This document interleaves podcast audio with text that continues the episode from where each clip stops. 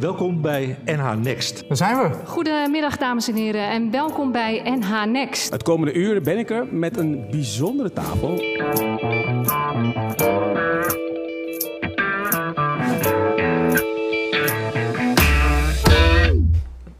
Goedemiddag, dames en heren. Uh, welkom bij de uitzending van NA Next van uh, donderdag 4 februari. Is uh, de trekker van de toekomst de trekker van de energietransitie? Dat is de vraag die wij vandaag gaan beantwoorden. En we hopen ook u heel erg te interesseren in, in de toekomst van deze trekker. En u kunt participeren door vragen te stellen. En ik ga met de aanwezigen hier de discussie aan. Mijn naam is Frank Bransen. En ik leid vandaag de bijeenkomst. De trekker van de toekomst, dat is een EOX-trekker, elektrisch, waterstof aangedreven. En uh, die moet worden gevoed met waterstof vanuit een windmolen. En dat gaat allemaal in Noord-Holland gebeuren als het aan ons ligt. En hier aan tafel. En ik ga eerst de mensen aan tafel voorstellen. En dat doe ik met een hele korte vraag. Paul van Ham, jij bent eigenaar van H2-trek de ontwikkelaar van de EOX, de waterstof elektrische tractor. -hmm. Hoeveel ga jij er produceren volgend jaar? We gaan er volgend jaar vijf produceren en het jaar daarna vijftien. En het jaar daarna dan barst het helemaal los. En hoeveel komen er in Noord-Holland? Uh, nou, ik denk volgend jaar een stuk of vier, vijf. Ja. Als, als de Noord-Hollanders meedoen. Als de Noord-Hollanders meedoen. En Dick Jan Marees, jij bent van uh, Avia Marees. Ik heb gelezen dat jullie 60 tankstations hebben. Ja. Verkopen heel veel diesel. Juist. Dan gaan we nou op waterstof. Uh... Als het naar mij ligt wel hoor. Ja. En uh, dan hebben we alleen wel installaties nodig om, ze, om ze af te vullen, hè, de, al die voertuigen. Maar dan ben je toch in je eigen voet aan het schieten? Nee, want of je nou benzine, diesel of LPG verkoopt of waterstof, wij verkopen gewoon energie. Dus uh, het maakt ons niet uit wat ja. het is. En Jeroen Noot, je bent programmamanager van het Greenport Noord-Holland Noord. Zit de sector eigenlijk wel te wachten op uh, die gekkigheid? Ja, het is inderdaad misschien wel gekkigheid, maar het is ook wel, wel spannend. En volgens mij is de, de sector altijd erg toekomstgericht. En wij merken het ook als wij met telers spreken. waterstof leeft onder, onder de telers. Uh, ja, en uh, heel kort gezegd, vanuit het klimaatakkoord moeten we op een gegeven moment wel iets doen met ons transport. Dus ook de trekker is daar ergens een keer aan de beurt. Merk je al belangstelling? Uh, in, de, in de voorfase van deze bijeenkomst bijvoorbeeld hebben ook wat mensen zich ook al eh, serieus gemeld. Dus ja, we merken belangstelling, absoluut. Jij hebt een rondje gemaakt langs de velden, Paul, vorige week. Ja. Meerdere plaatsen hier geweest. En wat was, stond er een ontvangstcomité klaar? Nou, er stonden, er stonden uh, positieve mensen klaar. Positieve boeren ook. En, en het, het, bijzondere wat ik ontmoet daar is dat uh, boeren die hebben allemaal wat met hun gewone oude trouwe dieseltractor. En dat is eigenlijk ook best mooi dat ze dat hebben. Maar ze snappen allebei dat het over, allemaal dat het over tien jaar anders is. Dat, dat we echt met elkaar een stap kunnen zetten. En het bijzondere van boeren is die heel veel boeren zijn al energieboeren. En, en ik denk dat, een, dat het echt een boerendroom is om straks, net zoals dat je vroeger voor je paard een hectare haver had, zo heb je nou voor je machines een windmolen of een zonnedak. En dat wordt heel normaal.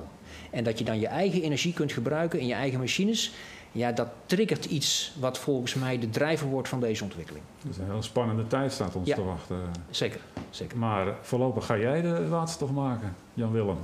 Jan-Willem Langera van Hygro, ontwikkelaar van uh, waterstofprojecten.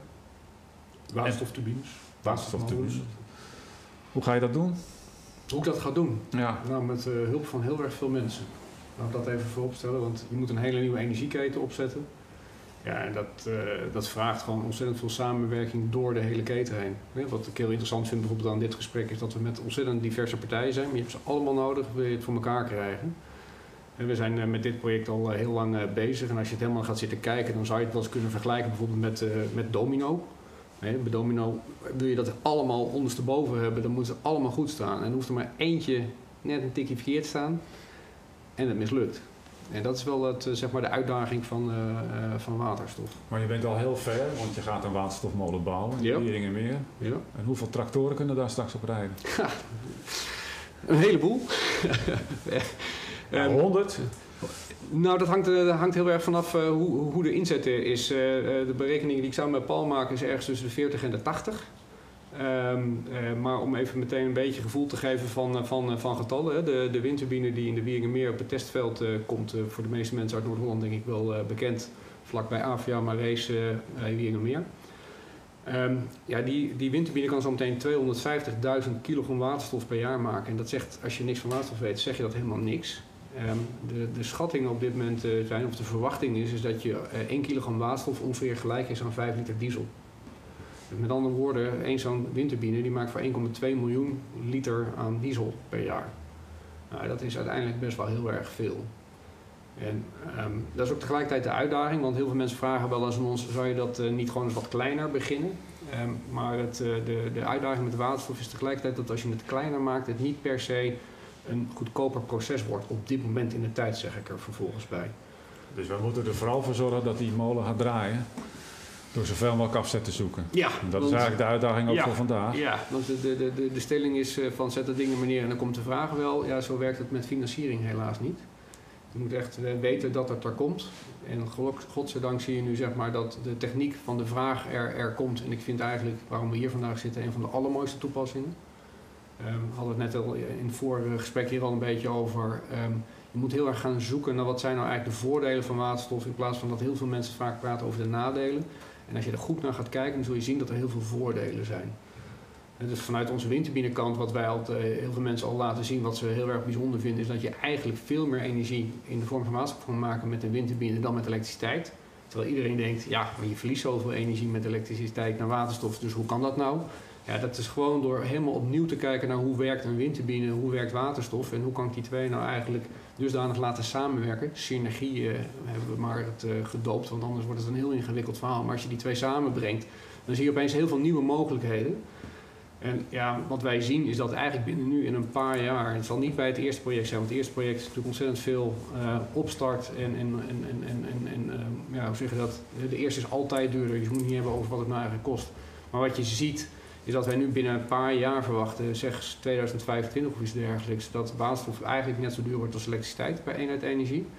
En wij zijn op dit moment ook al uh, bezig met, uh, met wind op zee uh, te, te, ontwikkelen. En dat kan eigenlijk in onze beleving ook al heel erg snel. En dan ga je gewoon zien dat er goedkoper waterstof vanaf zee naar land komt dan dat je elektriciteit naar land kan krijgen. Ja. Nou ja, en dat, ja, als je, als je, op het moment dat je dat begint te beseffen, um, ja, dan ziet die hele energietransitie er ook heel ja. anders uit. Ja. Het is een hele hele mooie markt, en, maar je moet heel erg in het keten denken. Nou, Ja. we hebben, jij, jij zit aan de opwekkant. Ja, Je probeert ook eh, eh, afzet te vinden. ja. Jij zit aan de kant die, eh, Van de gebruiker. van de gebruiker. Ja, zeker. Ja. Waar zit jij? Ik zit er tussenin, hè. Het moet eh, van de productieketen moet het zeg maar naar de, naar de gebruiker toe.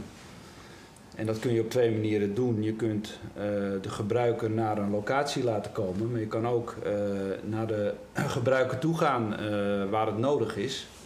Ehm, en daar, daar zijn we nu op aan het focussen. Dat er een, ja, dat er een, gewoon een vrachtwagen komt die het, de waterstof gaat, gaat brengen naar de machines toe. Ja, En, en dat is ook wel waar wij vandaan komen. Het is eigenlijk een ja, back to the future is het eigenlijk. Hè? Eh, wij, wij gaan gewoon weer terug naar onze oorsprong waar wij vandaan komen. Dat is gewoon energie brengen naar de klant. Hè, wij zijn begonnen met huisbrandolie. Gewoon naar fletjes brengen, eh, slangen omhoog eh, takelen en een tankje vol gooien. En dat, ik zie hem nu gewoon weer gebeuren. Het is, maar, het maar is- het tankstation is niet, dat, dat verdwijnt niet. Tanksel verdwijnt niet. Nee, kijk, een, een, een, een, een trekker, waar we het hier over hebben, die, die, die, die heeft natuurlijk een beperkte actieradius. Kost veel tijd om, eh, om hem eh 10 kilometer te verplaatsen om te tanken. Hè. Een, een, een, een trekker staat op een boerderij en daar moet hij ingezet worden. En, en om dan vervolgens eerst nog naar een tankstation te rijden en dan weer terug, dat, dat kost gewoon veel tijd. Dus, dus de boer is nu ook gewend dat, dat hij een eigen infrastructuur heeft om energie eh, te tanken. Ja. Ja. Nou, we zijn hartstikke enthousiast hier aan tafel, dat merk ik gelijk. Eh, het is voor sommigen misschien al meteen iets te veel in de diepte. Eh, heel even terug, voordat we een filmpje gaan opstarten over eh, over de waterstofmolen en straks van de tractor. Toch even terug naar waterstof. Wat is het eigenlijk? Ja, het is een gas, hè? Waterstof in een gas. Ja, ik, Ja. ik zie in, in, het, in het Rijksbeleid ontzettend veel. eh, aanvankelijk was se- sepsis, maar de laatste jaren een hele omwenteling. Dat zie toch wel, is wel consensus over dat waterstof een hele belangrijke rol gaat spelen in de energietransitie. Het speelt het nu, nu al in de industrie, maar ook in de mobiliteit. En, en ja, daar wordt toch wel op, op korte termijn het meest van verwacht. Maar hoe, hoe, hoezo in de, in de mobiliteit? Kunnen jullie daar eh, wat over zeggen? Want het is een gas wat we gaan gebruiken in de mobiliteit. Ik, denk dat het voor niet iedereen nog helemaal duidelijk is waarom dat nou waterstof moet zijn. Jan Willem. Ja, ik, zie het idee wel, maar dat kan jij eh, waarschijnlijk het beste beantwoorden. Nou, ik denk om te laten eerst even om te beginnen waar, eh, waar- we het ook in het voorgesprek al even met Paul over hadden. Van even goed opletten dat waterstof is een vorm van elektriciteit. In, hè, dat je zet het om via een brandstofcel in elektriciteit en dan drijf je een elektrische motor aan. Ja, dus, Dus- dus, je hebt een tank met waterstof. Ja. Die draait, die draait De brandstofcel aan zoals dat, Ja. eh, zoals dat systeem heet. brandstofcel. En dat samen is feitelijk de batterij zoals we nu gewend zijn van de En elektrische dat is auto. elektriciteit en dan kan die eruit. Daar- Ja. En, en dus zal bijvoorbeeld veel mensen de vraag zijn, maar waarom doe je het dan niet gewoon elektrisch? Dat is eh, een van de vele eh, vraagstukken die je ook op internet eh, zult tegenkomen. En dan heb je heel veel mensen die helemaal gaan voor waterstof. Hebt heel veel mensen die gaan voor, voor, voor batterijen. De, de, de complexiteit erachter uiteindelijk in de waarheid is dus ook niet zo eenduidig als je mogelijk, zou denken. Kijk, de grote voordelen van, van, van waterstof is uiteindelijk de zaken als vulsnelheid, gewicht en energiedichtheid. Ehm, Daar zal Paul straks misschien nog wat meer eh, nog eh, eh, over hebben. heel, ehm, maar gewicht bijvoorbeeld is bij zware toepassingen een behoorlijk belangrijk uitgangspunt. De- pak ik een vrachtwagen, dan wil ik vooral heel veel zware spullen vervoeren. En zoals iemand wel eens gekscherend zei, ja, met batterijen is het of ik vervoer batterijen of ik vervoer spullen, maar kan niet allebei tegelijk. En dan zie je bijvoorbeeld dat je met waterstof daar veel lichtere voertuigen kan maken. En met lichtere voertuigen kan je meer vervoeren. Dus als je dan praat bijvoorbeeld over efficiency, mensen willen heel graag weten, hoeveel kilowattuur per kilometer eh, verbruik je dan? Maar dat is eigenlijk de verkeerde vraag. De, de echte vraag moet gaan over hoeveel energie heb ik nou nodig om een ton product bijvoorbeeld te vervoeren, als ik het over wegvervoer heb. Dus ja, ehm, wat is nou waterstof? Waterstof is een gas. Het gaat op hoge druk. Ehm, het is een gas wat op zichzelf lijkt op alle andere gassen en tegelijkertijd ook best wel weer op sommige dingen afwijkt van andere gassen. Ehm, mijn veronderstelling is dat we langzaam maar zeker moeten eh, leren daarmee omgaan. En op het moment dat je weet hoe je ermee om moet gaan, is het eigenlijk allemaal zo spannend niet. Ja. Ehm, dus het is vooral nieuw en nieuw maakt onbekend. Ehm, maar Moet ook een voorlichtingscampagne of iets dergelijks. eh eigenlijk, Ja. Het is een hele mindset die, eh, die eh, Nou ja, ik, ik- ben ook betrokken bij een project eh, eh, op uh, Goeree bij Stad aan het Haringvliet, waarbij eh, zometeen eh, huishoudens op eh, waterstof, eh, eh, het aardgas wordt vervangen. Ja, sta je in, ook nooit zo bij stil, maar bijvoorbeeld in aardgas kan je herkennen aan de geur. Ja. Ja. Dus nou, eh, ook hier zul je dus bijvoorbeeld zo meteen een geurtje waarschijnlijk bij, ja, ik weet niet of dat bij de mobiliteit zou moeten zijn, maar bijvoorbeeld als je dat bij huishoudens doet, moet je een geurtje hebben. Moet je wel een geurtje hebben wat iedereen herkent. Ja. Ja. Want anders denk je van, oh lekker. Ja, ja. Maar goed, in principe is gas, eh, gewoon aardgas ook reukloos. Hè? Daar wordt Ja, gewoon ja, een geur, wordt ook, een eh, geur. ook, ook, ook wel toegevoegd. Ja. En we moeten, ook niet te, we moeten ook denk ik ook niet te spastisch doen over, over het bijzonder van waterstof. Ik kan me nog herinneren dat ik samen met mijn broer auto's ombouwde op LPG. Hè, want dan konden we eh, stiekem heel goedkoop rijden. En eh, dat is ook gevaarlijk. Net als dat een benzineauto ook gevaarlijk is. En er zijn inmiddels al wel wat experimenten met waterstofsystemen waar iets mee gebeurt. En dan blijkt dat de, de negatieve resultaten helemaal niet zo heel erg zijn. Dus eh, beschouw het gewoon als een energiedrager, een gas dat in een tank moet. Het moet een dure tank zijn omdat de druk heel hoog is. En verder kun je er allerlei dingen mee doen. Je kunt het ook gewoon in een verbrandingsmotor stoppen. Ja. Je kunt het in een, in, een, in een waterstofcelsysteem stoppen. En in beide gevallen eh, kun je er voertuigen mee aandrijven. Ja. Dus dat is eigenlijk niet echt heel bijzonder. Ik wil even naar een Dick Jan toe. Ehm, jij hoort natuurlijk ook van jouw eh, afnemers, de, de, de, de vervoerders, de verladers, de, trucksjongens. Ja. Ook discussie over eh, welke kant gaan we op. En, en, en hoe kijk jij aan tegen elektrisch versus... eh, Nou, dat, dat, Waterstof. wat Jan Willem ook zegt, het heeft echt met gewicht te maken. Eh, de transportsector wil natuurlijk zoveel mogelijk kilo's vervoeren eh, eh, als dat ze kunnen, als, als mogelijk is. En als daar hele zware accupakketten mee gemoeid gaan om iets elektrisch aan te drijven, dan, dan, ja, dan, dan missen ze gewoon laadcapaciteit. Eh, je hebt natuurlijk wel volumevervoer ook. Hè. Die zakken chips, dat kan prima met een, misschien met een accu. Ehm, maar als jij natuurlijk grond gaat verzetten in een vrachtauto, dan eh, gaat een accupakket eh, niet werken. En dat is ook met, eh, met trekkers zo. Hè. Die, die verzetten ook veel grond, graafmachines. Ja, die hebben gewoon een hele hoge energiedichtheid nodig per kilogram opslagcapaciteit. En een accu heeft gewoon eigenlijk heel weinig energieopslag per kilogram wat die accu weegt. Dus ja, met een accupakket is voor personenvervoer eh, eh, een personenauto prima, eh, een prima toepassing binnen een straal van 200, 300 kilometer. En daarna is dat ook eigenlijk voorbij. Dus ja, waterstof is naar de toekomst toe, biedt zoveel kansen, actieradius en je kan het gewoon helemaal schoon maken. Dat zal in het begin nog lastig zijn. Hè? Waterstof wordt nu met aardgas gemaakt. Maar dit is, eh, dit, dit is gewoon een fantastisch project om met een windmolen waterstof te maken. Eh, ja, dat is, dat is gewoon ultiem. Ja. En eh, het is gewoon prachtig om daar aan, aan, aan mee te mogen doen eigenlijk. Ik denk dat het goed is dat we een filmpje gaan opstarten. Mag ik nog één aanvulling doen, uh, Ja, Frank? dan kunnen ze hier alvast kijken of ze hem klaarzetten. Ja. Nee, ik denk namelijk dat een andere wat je ook niet moet, eh, moet onderschatten, eh, is dat ehm, eh, je kunt natuurlijk een vrachtwagen een aardig en zeker als het volumetransport is, eh, op batterijen komen. Je wil hem vervolgens ook zo snel mogelijk weer vol hebben als ondernemer. En wat heel veel mensen onderschatten is wat dat betekent voor de elektrische infrastructuur die je nodig hebt en de belasting die dat geeft. En ik denk dat als je heel goed gaat kijken wat, waar nou de voordelen van waterstof heel erg opwegen tegen de nadelen van elektriciteit, dan is het juist om die piekmomenten waar je, wat je wil. En je kunt hele grote hoeveelheden waterstof in een hele korte tijd, dus heel veel energie in een hele korte tijd overdragen. Als je dat met elektriciteit doet, dan heb je op een gegeven moment hele dikke kabels nodig die heel warm worden, heel erg kostbaar zijn.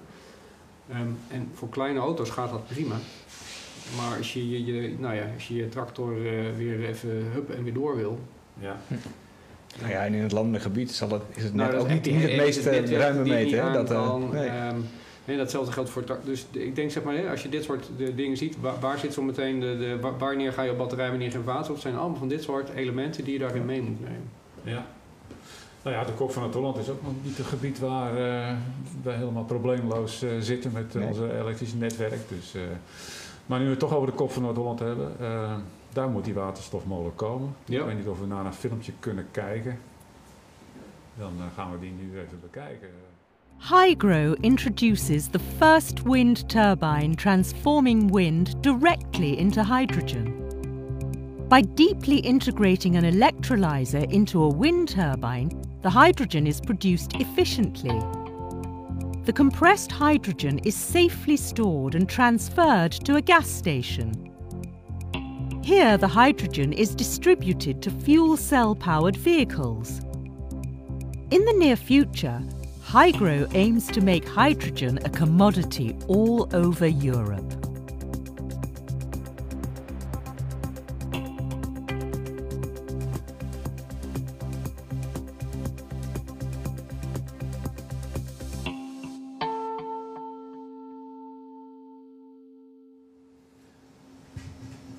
Duidelijk verhaal. Ik zie wel meerdere afnemers in dat filmpje. Hè.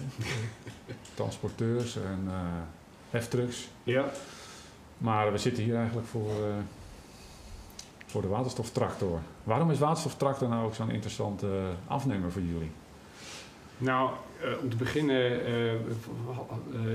kijk, wil je, ik gaf al aan, zo'n zo'n windturbine die maakt eh, 1,2 miljoen liter diesel-equivalent per jaar. En ehm, ja, dat is nogal een grote hoeveelheid. En ehm eh, go- godzijdank hebben tractoren een vrij hoog eh, dieselverbruik.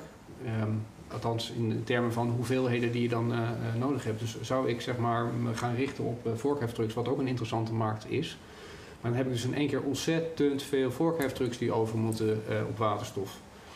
Dus het is de hele tijd zoeken bij, bij, bij de starten van de waterstofmarkt, om maar zo te zeggen, naar van oké, welke schaal ga ik nou? Dus in eerste instantie hebben we ook best wel geworsteld over dat we een veel kleinere windturbine en een kleiner systeem. Maar dan wordt je tankstation bijvoorbeeld weer niet kleiner van. En de compressoren en weet ik wat allemaal wat je nodig hebt, wordt dan ook niet echt heel veel goedkoper. En het systeem wordt niet efficiënter. Dan heb je heel veel uitdagingen. En nou ja, wat is dan een interessante toepassing? Dat zijn dus eigenlijk toepassingen die heel veel energie verbruiken. En uh, het andere, denk ik, wat ik zo interessant vind, wat ik al wel vaker uh, ook hier in het voorgesprek weer al, al, al, aangaf, is dat kijk, je moet heel goed gaan zoeken met waterstof waar zitten de voordelen. En ik, wat ik het interessant vind aan deze tractor is dat deze tractor, er begint er niet mee dat hij op waterstof wil rijden. Nee, deze tractor heeft verzonnen over hoe je met elektrische motoren heel iets slims kan doen. En dan is de vraag, waar haal ik mijn energie vandaan?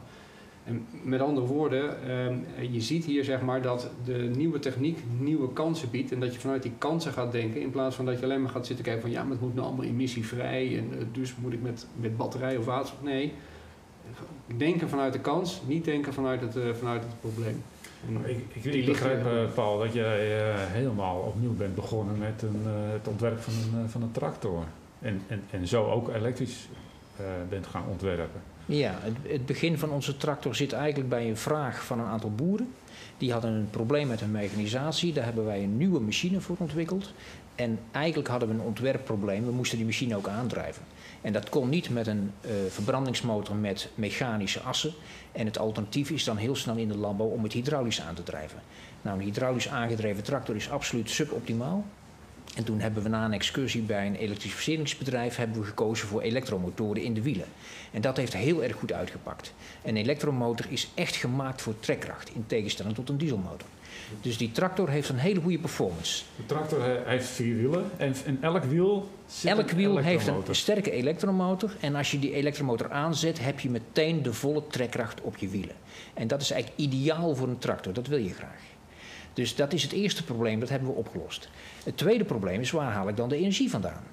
Wij dachten, we gaan daar een hele grote batterij in stoppen. Maar wat blijkt dan? We hebben vier of vijf pakketten nodig uit een Tesla om een hele ochtend te werken.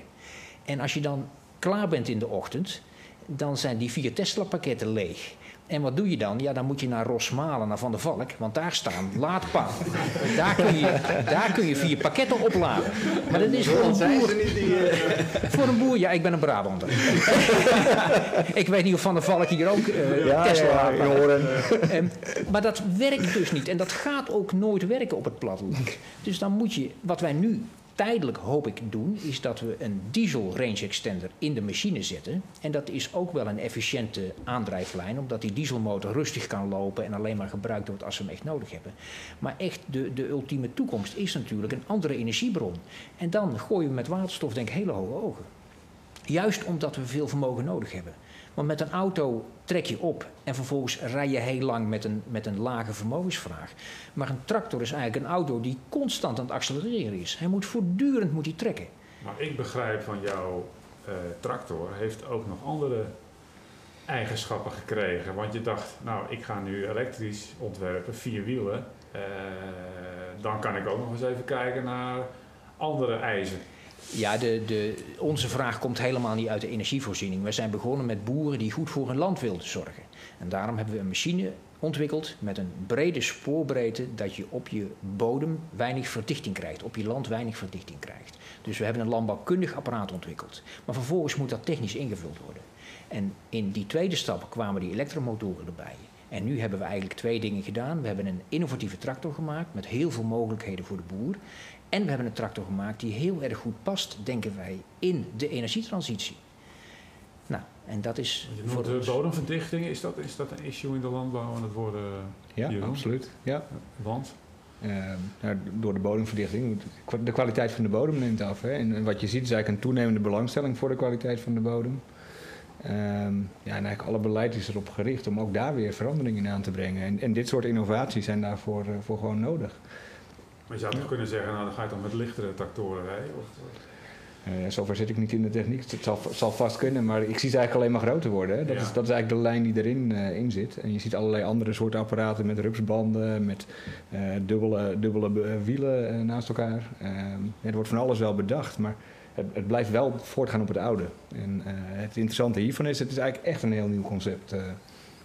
Is er vanuit die hoek ook belangstelling voor dit, eh, dit product? Eh, ik denk Of dat speelt dat nog niet zo sterk in de landbouw? eh, het speelt wel zeker, eh, maar het, is, het zit nog wel eh, bij, een- bij een select aantal eh, eh, boeren volgens mij eh, die daarmee bezig zijn. Ehm, maar goed, ik, ik merk ze zijn echt aan het ontdekken van hoe gaan we nou onze, de toekomst van onze, onze teelt inrichten. En nou, zoals ik de boeren ken, zijn ze wel erg eh, eh, innovatiegericht. Dus als er echt nieuwe dingen zijn die, je die bewezen ook meer opleveren, hè, dan dat moet ook echt goed gaan met je, met je gewas. Uiteindelijk met je boterham, want daar leef je voor. En dan staan ze echt open voor innovaties, absoluut. En precisielandbouw, dat speelt ook. Dat speelt zeker, ja. Dat is een van de, van de, de grotere onderwerpen, misschien wel voor de, ook voor de komende tijd. Maar daar doet jullie tractor ook volledig aan. eh. Ja, die is daar zeer geschikt voor. Eh, de tractor is eigenlijk ontwikkeld om in de precisielandbouw met een GPS heel keurig steeds over dezelfde paadjes te rijden. En dat heeft als resultaat dat je een bescheiden oppervlakte van je land eigenlijk bestemt voor machinegebruik. En het grote stuk waar je niet meer op rijdt, dat wordt ideaal voor de planten. Dus waar een plant wil groeien en een worm wil, wil leven, daar moet je niet met banden komen. Dat moet je gewoon keurig separeren. Zullen we eens kijken naar een eh, filmpje van, eh, van de EOX? Ja, leuk. Leuk. Want eh, ik ben nou wel benieuwd hoe die eruit ziet. De elektrische os. Hè? Kijk, is Top. die. Nou, misschien dat je wat toelichting kan geven, Paul. Nou, eh, hier staat de EOX nog in de werkplaats. En eh, mijn broer, wij zijn samen de directie van het bedrijf, die dirigeert mij naar buiten. De deur is nog een beetje smal. Eh, hier zie je de machine in smalle spoorbreedte. Dus zo kan je keurig naar binnen en kun je over de weg veilig naar huis. Ehm, ik ben geen professioneel tractordriver, dus het gaat wat langzaam. Hier zie je de machine. Wat meteen opvalt zijn de vier grote wielen. Elk wiel heeft een aparte elektromotor en wordt ook apart geregeld in snelheid en in trekkracht.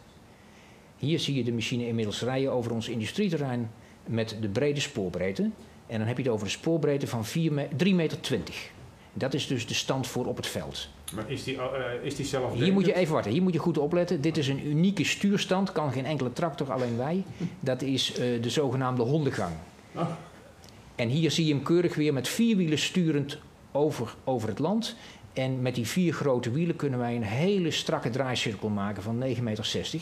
En dat is ook iets wat een normale tractor niet kan. Wat kan je met de hondengang? Want dat zegt mij niks. Ja, met hondengang kun je bijvoorbeeld de druk heel mooi verdelen over verschillende banen op je land. Of je kunt als je in de schuur je machine in de hoek wil zetten, kun je hem heel snel even keurig naar de, naar de muur sturen. Maar hier kan alles achter. Hier kan alles achter. Deze machine kan alles wat een gewone tractor ook kan. En hij heeft een aantal extra's. Elektrische aandrijving, de spoorbreedteverstelling. Maar ook aan twee kanten van de cabine zie je een laadplatform. Eh, aan de voorkant hebben we een zogenaamd motorkapje opgebouwd. Maar daar zou eventueel nog een apparaat aan kunnen. En op de achterkant kun je bijvoorbeeld de waterstoftanks in de toekomst eh, opbouwen. Want dat is denk ik wel een ding eh, als we naar waterstof over, overgaan. De waterstofstek, die kunnen wij keurig in het frame verstoppen. En dat gaat je, ga je straks niet meer zien. Wat is de stek? eh, De stek, de, het systeem wat van de waterstof weer elektriciteit maakt. Ja. De brandstofcel. De, de brandstofstel, de, de, Ja. de waterstofmotor zou je kunnen die zeggen. verstop je in, de, in het motorcompartiment? Die verstoppen wij keurig in het frame. En dan de tanks, die kunnen we bijvoorbeeld achter op de cabine leggen. Ja. Ja. En kun je die cabine ook nog draaien?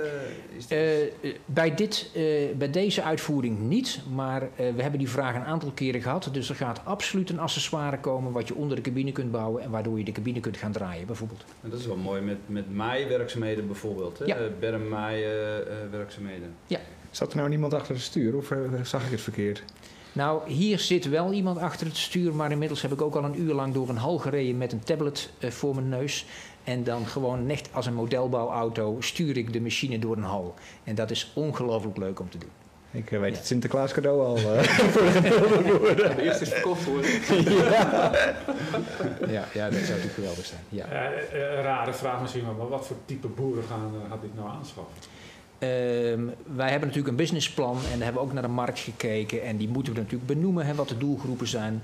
En eh, als landbouwkundige dacht ik altijd dat de eerste doelgroep de boeren zijn die met eh, controlled traffic farming werken. Dus met de methode, met die brede banen op het veld. Hè. Daar is de machine ook min of meer voor gemaakt. Maar daarnaast staat meteen een tweede doelgroep. En dat zijn de energieboeren, denk ik. Ik hoop niet dat het een oneerbiedig woord is. Maar dat zijn boeren met eh, zonnepanelen op hun dak of met windmolens. Boeren die snappen dat waterstof de toekomst wordt. En die met deze machine uit de voet kunnen. Ja. En loonwerkers? En uiteraard loonwerkers. Hè? Dus, dus als ik zeg boeren, dan zijn het natuurlijk be- be- bedrijven die ja, tractoren gebruiken. Dat zijn loonwerkers, mensen die in het groenbeheer zitten, eh, gemeentes, overheden. Ja, noem het. Ja, ik heb eh, even tussendoor wel een belangrijke vraag. Want eh, we- ja, je wilt die dingen natuurlijk verkopen. Ja. En uh, we hebben eerder al gediscussieerd over hoe gaat, hoe gaat dat nou? Want het ding eh, dat kost flink veel geld, dat is spannend. Zijn de boeren nou geïnteresseerd in, eh, in koop of in lease? Ik dacht aanvankelijk eh, welke boeren leasten, maar dat is heel naïef van mij. Er schijnt nog heel veel eh, tractoren wordt geleased momenteel. Ja. Ik ben benieuwd hoe dit gaat. Dus er is een poll eh, die gaat geopend worden. Oh, en dan kunnen we kijken hoe erop gereageerd wordt. Lease of koop. Oké. Dat Oh. lijkt me leuk om, om dat te horen van die poll. Eh, wat ik begrepen heb over de reguliere tractoren is ongeveer de helft van de tractoren in de landbouw wordt inmiddels al geleased. Nou weet ik niet precies of dat dan een financial lease of een operational lease is. Dat zal ik aan mijn broer vragen.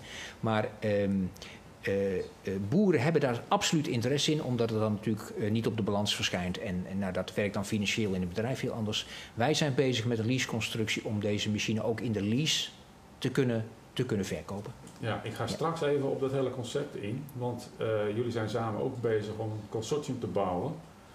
Om die tractor zo snel mogelijk in Noord-Holland eh, eh, op de weg te krijgen. Of op het land, kan ik beter zeggen. Ik had eerst nog een vraag uit van een van de kijkers. Wat weegt die, die EOX? Deze tractor moet je vergelijken met een, met een vergelijkbare tractor van 175 pk. En dat is ongeveer 7000 kilo. En dat is dan het volle gewicht, inclusief de brede spoelbreedte. Ja. Ja. En daarmee eh, zet je een hele concurrerende tractor op de markt? Of, het, het, het zegt mij niks. Nou ja, 175 pk, dat is een beetje de, de, de, de goede middenmoot van de tractormarkt. Ja, ja. Dus een aantal boeren die zeggen van nou, het, het kan nog veel groter. En een aantal boeren zegt ja, het kan nog veel kleiner. Wij hebben gekozen om daar een beetje in het midden te gaan zitten. En dan is 175 pk, dat is een klasse waar je veel mee kunt doen. Daar kunnen serieuze machines achter, daar kun je serieus werk mee doen. En eh, ja, wij hadden redenen om niet te licht en zeker niet te zwaar te gaan. Ja. En eh, wat, wat, wat is het gewicht dan van zo'n 175 pk Ja, on- ongeveer eh, een klein beetje welke, welke folder je leest, maar dat zit ergens tussen de 6,5 en de 7,5 ton. Ja, dus wel echt gewoon vergelijkbaar. Dat is echt vergelijkbaar. Ja, Ja. dat is echt vergelijkbaar. Ja. Ja. En dan, en dan eh, zit er bij ons dus de brede spoorbreedte bij. Als je dat bij een standaard tractor kan, dan kun je eraan laten bouwen. Dan moet je al snel 800 tot 1000 kilo meer tellen. Ja. Dus, dus als je iets wil met die brede eh, banenteelt, dan is onze machine echt interessant. Qua gewicht. Ja, ehm, ik denk dat we even naar een volgend onderwerp moeten. Van hoe verder? Eh, Jan-Willem, jij hebt al iets uitgelegd over de keten. Je hebt eigenlijk gezegd, wil je die energietransitie mogelijk maken, dan moeten alle partijen samenwerken in de keten. Eh, nou, er is een producent en er is een consument en er is een melkman. hè? Ja, Dick Jan, de melkman. Ja, natuurlijk Jan de Melkman. Ehm, jullie hebben elkaar gevonden en, en wat verwacht je nu? Wat, wat, wat, wat, is, wat zijn jullie plannen en wat is de uitnodiging naar de kijkers? Hoe gaat dit verder? Want eh, onze ambitie, Ja. hè, eh, ik werk voor een organisatie die vooral hoopt dat die energietransitie versnelt. En Jeroen die staat te popelen om, eh, om al zijn netwerken eh, rond te leiden over de velden. Ja, Wij willen zo snel mogelijk die, tra- die, die trekt, Ja, ja, ja. Nee, nou ja, goed. De, de uitdaging waar we natuurlijk hiermee staan is dat je eigenlijk alles tegelijk moet. En als je alles tegelijk doet, dan eh, komt het al heel snel als een chaos op je over. Ehm, dus het is ehm, tegelijkertijd wat ik eigenlijk al eerder uitlegde. Als je ook één blokje weglaat, dan zie je heel, eh, al heel snel zien dat de boel eh, tot stil, stilstand komt. Kijk, eh, Paul heeft nu al de, de eerste versie die we net gezien hebben rijden. Hij zal toch ook nog wel eens eventjes de eerste daadwerkelijk op waterstof mo- moeten laten rijden. Maar ja, de eerste waterstof laten rijden, technisch in elkaar sleutelen. Maar waar haalt hij de waterstof vandaan? Nou, dan kan dat voor kleine beetjes nog prima wel eh, eh, gewoon geregeld worden. Maar als je het structureel wil inzetten, zul je toch alweer groter moeten. En je zult meteen zien dat als je het groter doet, is de infrastructuur die je daarvoor nodig hebt, eigenlijk meteen geschikt is voor veel meer voertuigen. Ehm, dus zo- kom je de hele tijd in, in, in, in een spanningsveld eh, terecht. Tegelijkertijd, wat ik denk ik wel heel graag wil benadrukken, is dat wat je wat heel veel mensen denk ik niet zo goed in de gaten hebben, maar de techniek van waterstof, de brandstofcellen, de tanks, eh, nou, de, waterstofmolen. eh, is technisch al veel verder ontwikkeld dan heel veel mensen denken. Mensen denken echt nog dat het nou ja, eh, een beetje knutselen en dan kijken of het wel werkt is. De praktijk is eigenlijk dat een van de redenen waarom je het nog niet grootschalig ziet, is eigenlijk die uitdaging omdat je die keten in één keer moet doen. Daardoor komt het niet zo goed op gang. Maar je zult zien dat op het moment dat die keten in één keer er wel staat, dan gaat die, gaat die als een trein. Niet in de laatste plaats, omdat als je gaat opschalen, en opschalen, het eerste project zijn er al 40, 50, maar als je gewoon kijkt naar bijvoorbeeld de techniek van de brandstofcel, wat overigens heel erg vergelijkbare techniek is met de elektrolyse in die windturbine, die is op dit moment in tijd nog best wel duur, want ik koop er één en dan, ja, één is geen, dus dat kost een heleboel geld. Om, op het moment dat je dat gaat, gaat, gaat opschalen, zul je zien dat die prijs daarvan echt heel hard naar beneden komt. Ja. Dus ehm, eh, ik vind Dus jullie zijn nu, nou ja, jullie zijn nu schaal aan het maken.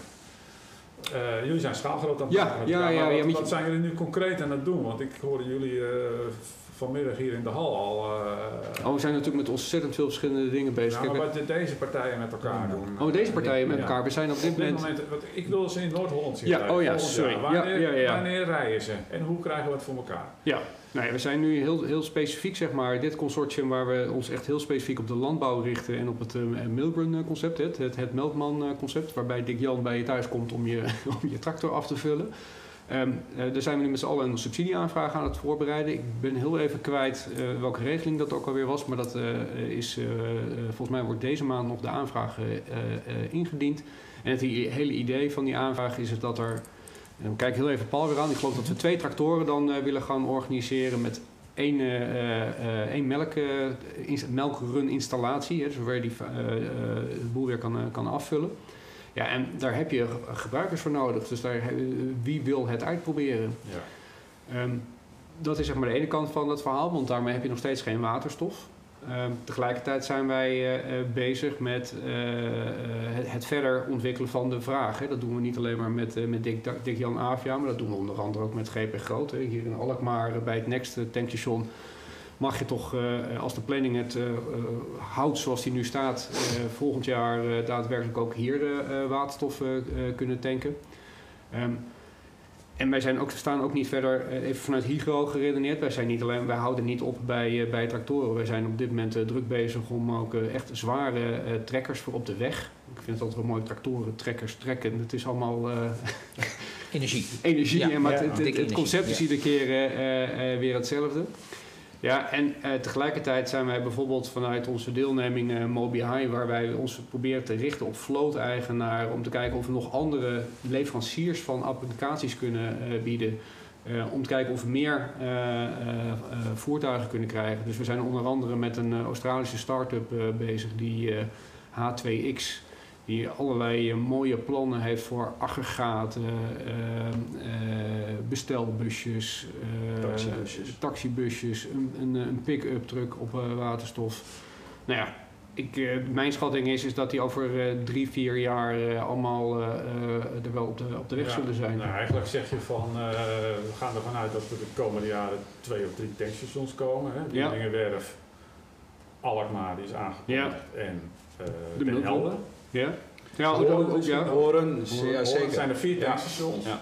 Daar heb je afnemers van nodig. Jullie zijn heel gezamenlijk al, al druk aan het kijken samen met het ontwikkelingsbedrijf Ja. en met onze organisatie. Ja. Ja, waar halen we die vraag vandaan? Dus Ja. zijn we met transporteurs in gesprek. Ja. Maar de eerste, snelste en de grootste klap zal zijn. ja, wat mij betreft De eh Paul met, eh, met de IOX. Ja. Maar eh, nu ga je er twee eh, in een concept zetten. Ja. Kunnen ze jou bellen om dat ding eh, een tijdje in gebruik te nemen? ja, dat kan absoluut. Als Mogen ze je ook bellen om te zeggen, dat doe mij toch gewoon maar heen. Ja, dat mag natuurlijk ook. Wat kost die dan? Eh, nou ja, dat ligt eraan of ze willen kopen of willen leasen. Ja. En eh, daar vinden we vast een oplossing voor. En ze moeten vooral bellen als ze interesse hebben om een soort demo-bedrijf te zijn voor dus zo'n eerste waterstoftractor. En ehm, eh, dus het begint bij twee. Als dat loopt, dan gaan er ongetwijfeld meer volgen. Dus we zijn nu bezig met een aanvraag voor twee. Ja. Die moeten in Noord-Holland gaan rijden. Ja. Eh, Ja. Bij voorkeur wil jij ze bedienen met waterstof. Jij wilt eh, Te afvullen. ze afvullen. Ja. Eh, vanuit het tankstation in Wieringenwerf. Ja. Nou, eigenlijk meer de, de, de hub vanuit Wieringenwerf. Hè. Ja. De- daar, eh, waar dan de, de, de, de milk run eh, vrachtwagen kan laden. En zodra er meer belangstelling komt voor die tractor, dan kunnen we meerdere plekken Eh, kan jij ze bedienen? Ja. Je gaat door heel Noord-Holland rijden? Of? Ja, als, er, eh, als die vrachtwagen er is, dan moet hij rijden. En eh, als er ergens een trekker wordt besteld, dan moet die Dan moet die worden, hebben. Maar die vraag nou ook op waterstof rijden trouwens. Eh, Ja, dat Uiteraard. is wel eh, de Uiteraard, bedoeling. ja. Zeker. Ja. Ik heb nog een vraag tussendoor. Met hoeveel druk wordt waterstof overgedragen? Nou, het begint bij, het, eh, bij de molen, denk ik. Begin bij de molen. Dat- nou ja, dat, dat, eh, Dat is 40 bar als het eruit komt. Het komt uit de elektrolyse met 30 tot 40 bar. Ja. Dan is het in dit geval de bedoeling dat het met een pijpleiding naar, eh, naar Dick Jan gaat op de Wieringenwerf. hè, bij Ja. eh Wieringenwerf Zuid moet ik hem specifiek zeggen. Havenweg 2. Havenweg 2. Specifiek. eh, nou, ik vind het een prachtige je locatie. noemen trouwens. maar Om, om, om, om, eh, om, maar dat is een prachtige locatie, omdat je hem nou ook van twee kanten van de snelweg nog weer eens kan benaderen. Dus het is zeg maar, Ja. wat mij betreft een fantastische plek waarbij je zowel de agrarische sector in de directe omgeving als ook gewoon eh, alles wat op de doorweg naar, naar het noorden zit kan bedienen. Ja. Ehm, eh, maar dan gaat het door, door de leiding. Dan vervolgens is wat, dit noemen wij een hubstation, waarbij de windturbine gekoppeld zit aan het tankstation. En waarom noemen we dat een hub? Omdat namelijk de belangrijkste functie van een hub is het afvullen van de hoge drukvaten, waarmee je weer naar andere tankstations eh, kan. Of waarbij je eh, met die hoge druk meteen eh, weer kan rondrijden om in je milkrun of in je melk, eh, eh, melkman eh, eh, principe eh, dat eh, Die eh, melkman die rijdt met vaten met 350 bar. Nee. Nee, nee, ik nee. denk dat dat naar 500, nee 650 bar toe gaat. Zo. Heeft wel met ADR-wetgeving te maken, maar eh, daar wordt aan gesleuteld. Volgend jaar is dat 650 bar. Ehm, maar in die trekker, daar zal de voorraad van de trekker zelf eh, 350 bar zijn, net zoals in een vrachtauto. Maar voor in een auto is het 700 bar. Ja. Dus dus eh, in Wieringenwerf komt ook een, een, een eh, afvul-unit voor auto's. Of die 700 wordt, dat is nog eh, de vraag. Daar gaan we wel, eh, dat is wel ons eh, einddoel natuurlijk. hè, dat die automobilist ook gewoon snel kan tanken. Ehm, maar ik denk dat dat een einddoel is. Tussendoel is dat we gewoon eh, eh, op lage druk trekkers, vrachtauto's kunnen, of op iets lagere druk, eh, 350 bar kunnen afvullen. Ja, en technisch kan wel hoger, maar je moet ook bedenken dat het met waterstof ehm, heel veel met wet en regelgeving nog te maken heeft en met certificeringseisen. Ja. Ik had het net nog even met Paul over, het zou eigenlijk ideaal zijn als je bijvoorbeeld op 500 bar op de trekker hebt. Hè, want je moet het met het drukverschil moet je gaan werken tussen hoe je het aanlevert en waar je erin ga- gaat zitten. Maar ja, eh, probeer maar eens 500 bar vaten te krijgen die gecertificeerd zijn voor op een tractor. Eh, allemaal dat soort uitdagingen zit je, zie je op dit moment in de keten ook nog steeds. Hè. Dus het is, eh, je zult zien dat het heel snel opeens gaat als de markt er is. Als die Ja. vraag er niet is, dan is het heel moeilijk om dit soort dingen ehm, ja, kosteneffectief voor elkaar te krijgen. En juist dit project is voor mij ook interessant, want je gaat gewoon in de praktijk ervaring opdoen. Ja. En, en dan kom je ook weer tot nieuwe vraagstukken Ja. die, eh, waar ongetwijfeld hele goede oplossingen voor zijn. Ja. Maar je moet ze wel eens weten, dat is het meer. Ja, nou ja, en Ja, tegelijkertijd en denk ik ook wel dat je eh, eh, eh, een deel gebruik maakt. Hè? Want het is niet zeg maar dat je het wiel in die zin opnieuw uitvindt. Je maakt gebruik van de, wel degelijk de, de techniek en de standaarden die er al Ja. zijn. Dus 350 bar, hè, wat ik, altijd, ik wijs altijd naar Zwitserland als het, als het gidsland. Dat Ja. verrassen altijd heel veel mensen. Maar in Zwitserland hebben ze de wet en regelgeving zo ja, gemaakt. Of dat is, eh, als je goed naar het hele geschiedenisverhaal komt, dan past het toevallig heel goed in, in, in, in, in hoe ze het al hadden. Maar daar is bijvoorbeeld als je op een waterstofvrachtwagen rijdt, hoef je geen wegenbelasting te betalen. En dat is zo voordelig dat het Ja. eigenlijk financieel meteen logisch is op te gaan rijden. Dus wat heeft men gezegd? Nou, dan gaan we gelijk met duizend vrachtwagens in vijf jaar tijd gaan ze die op de weg zetten. Nou, daar zit die 350 bar techniek zit daar al op in. Al die tankstations zijn er allemaal dus al op, op ingericht. En daar zie je dus eigenlijk ook dat op het moment dat je de juiste stimulans legt, dat ook in één keer alles erachteraan eh georganiseerd wordt. Ja, Zou nou dat- ja, ik, ik, ik las van de week de, het advies van de Raad voor de Leefomgeving. Ja. Eh, vooraanstaand adviesbu- Ja. adviespartij voor de regering. En daar staat heel nadrukkelijk. De, de overheid wordt opgeroepen om die vraag te stimuleren met. eh, nou, Ja, met dat kunnen ze beter doen dan, met, eh, eh, dan- dan- dan- accijnsverlagingen. Dan de productie Ja. te stimuleren. Want wat je heel veel ziet is dat de overheid heel graag heel veel tankstations wil hebben. Dus stimuleer dat tankstation.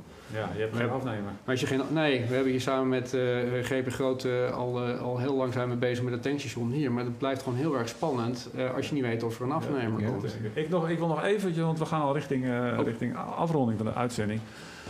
Eh, naar jou toe. Eh, hoe gaat het op het erf? Want ik ben, je, je zegt, nou ja, die, die, die, die, die, die trekker die heeft plek zat voor, eh, voor een paar van die, eh, van Ja? die eh, Ja? waterstoftanks. Eh, maar ja, die moeten wel op die eh, trekker worden gehezen. Hoe gaat het op dat erf? Eh, misschien dat jij er ook iets van weet. Nou, die die, hoeven die niet- melkman die komt aan en dan? Wat gebeurt Nou, er ik dan? denk dat er een tussenbuffer komt. Ja, Dat zou een ideale situatie zijn, dat er gewoon op de boerderij of ergens bij het land een, een soort bottelrek staat eh, met gasflessen daarin, ja, waar de waterstof in zit en dat je dat dan kan overhevelen. ja. Dat noemen Zou ze cascadevulling, eh, dus dat is eigenlijk communicerende vaten. Zou het ook zo kunnen zijn dat, dat één boerenerf eh, net twee of drie boeren eh, aan, aan, aanliggend ook kunnen bedienen? Ja, dat zou natuurlijk ideaal Een soort zijn. hè? satellietje? Ja. Ja. Als je inderdaad in één weg drie boeren naast elkaar hebt zitten, die, die, die werken vaak al samen met, met machines en eh, Ja. ja, dan zou dat perfect zijn. Dan, eh, Want ook in de prijs van al die apparatuur zit er een soort kip-ei-probleem. Waterstofapparatuur is qua techniek niet echt veel duurder als allerlei andere apparatuur. Alleen het zijn allemaal nog one-offs. Dus het wordt heel speciaal gemaakt. Ja. En zodra dat in serie gebouwd kan worden, dan straks heeft elke boer gewoon zijn eigen vulstation. Of, eh, weet je, dat, dat, dat, maar dat is op termijn. En we moeten met elkaar, hè, dus eh, moeten we kijken of we dat op een of andere manier die stap kunnen zetten. Er, Ja. moet een begin gemaakt worden. Ja, nou, ik moet eh, richting afronding.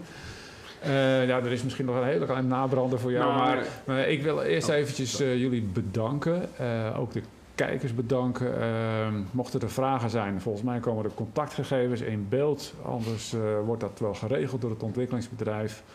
Er kunnen altijd nog vragen nagesteld worden. Nou, misschien dat Jeroen Noot of ik als ontvangstcomité daarvoor kunnen dienen. En dan gaan wij dat rondsturen. We hebben een eh, grote ambitie neergezet met elkaar.